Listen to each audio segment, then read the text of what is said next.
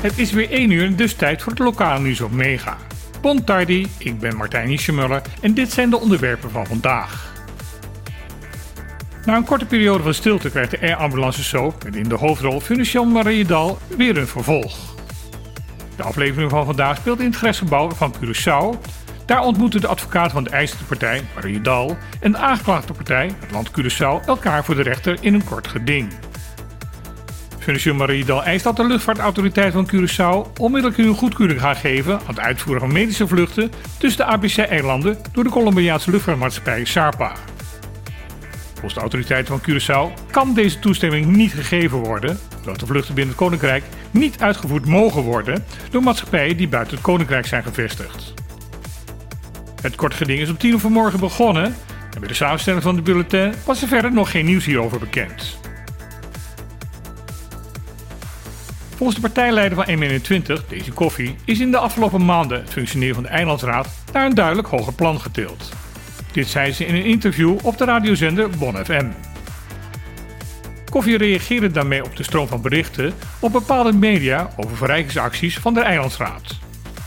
Hierbij zouden veranderingen stiekem door de Eilandsraad G4 in verordeningen zijn doorgevoerd, waar verschillende fracties niet van op de hoogte waren. Koffie ontkent dit laatste ten stelligste. Volgens haar was de gehele Eilandsraad volledig van alles op de hoogte. Ze benadrukt daarbij dat het niet gaat over een enkele vluchtige bespreking, maar om meerdere uitgebreide vergaderingen. De leider van de coalitiepartij M21 zegt dat zij zich niet aan de indruk kan onttrekken dat de stroom aan negatieve berichten hierover voor een groot deel politiek gemotiveerd is. Gisteren berichten wij dat Botica Sabana binnenkort gedwongen is om de deuren te sluiten. Vandaag is er in het Antilliaans Dagblad te lezen dat een andere botica al een jaar wacht om de deuren te mogen openen. Alle vergunningen op één na zijn al binnen, maar de minister van VWS weigert tot nu toe de benodigde apotheekvergunning goed te keuren. Het bedrijf Botica di Servizio is geen onbekende in de apotheekwereld. Met 16 vestigingen op de buureilanden, een moederbedrijf in Europees Nederland met ruim 450 vestigingen en ook al een drogisterij op Bonaire, is er ervaring genoeg binnen de organisatie. Bestuursvoorzitter van BDS, Bram Niesing, heeft al eerder gezegd in het programma Op de Klippen dat het niet zo is dat er bezwaren zijn geuit tegen zijn organisatie. Er komt domweg geen antwoord vanuit de hoofdstad. Niesing zegt ook al te hebben aangeboden om een lokale opleiding voor apotheekassistenten op te gaan zetten. Iets wat Fundación Mariedal al ruim een jaar geleden heeft aangekondigd, maar wat tot nu toe bij deze aankondiging is gebleven.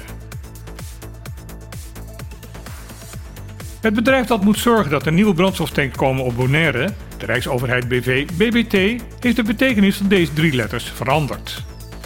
Stond eerder BBT voor Bonaire Brandstofterminals, vanaf nu moet er gezegd worden Bonaire Bon Transmission. Volgens de organisatie weerspiegelt deze nieuwe naam beter wat het bedrijf tegenwoordig doet. BBT is momenteel mede-eigenaar van een nieuwe zonnepark op het eiland. En zegt ook met andere projecten bezig te zijn om binnen een paar jaar de energievoorziening op Bonaire voor minstens 80% duurzaam te maken. Daarnaast zegt het bedrijf dat het noodzakelijk blijft dat de opslag van de ouderwetse fossiele brandstoffen goed geregeld gaat worden. Men is daarom bezig met nieuwe opslagterminals bij het vliegveld. Dit was weer het lokaal nieuws op Mega. Ik wens iedereen een schone dag toe en dan heel graag weer. Tot morgen!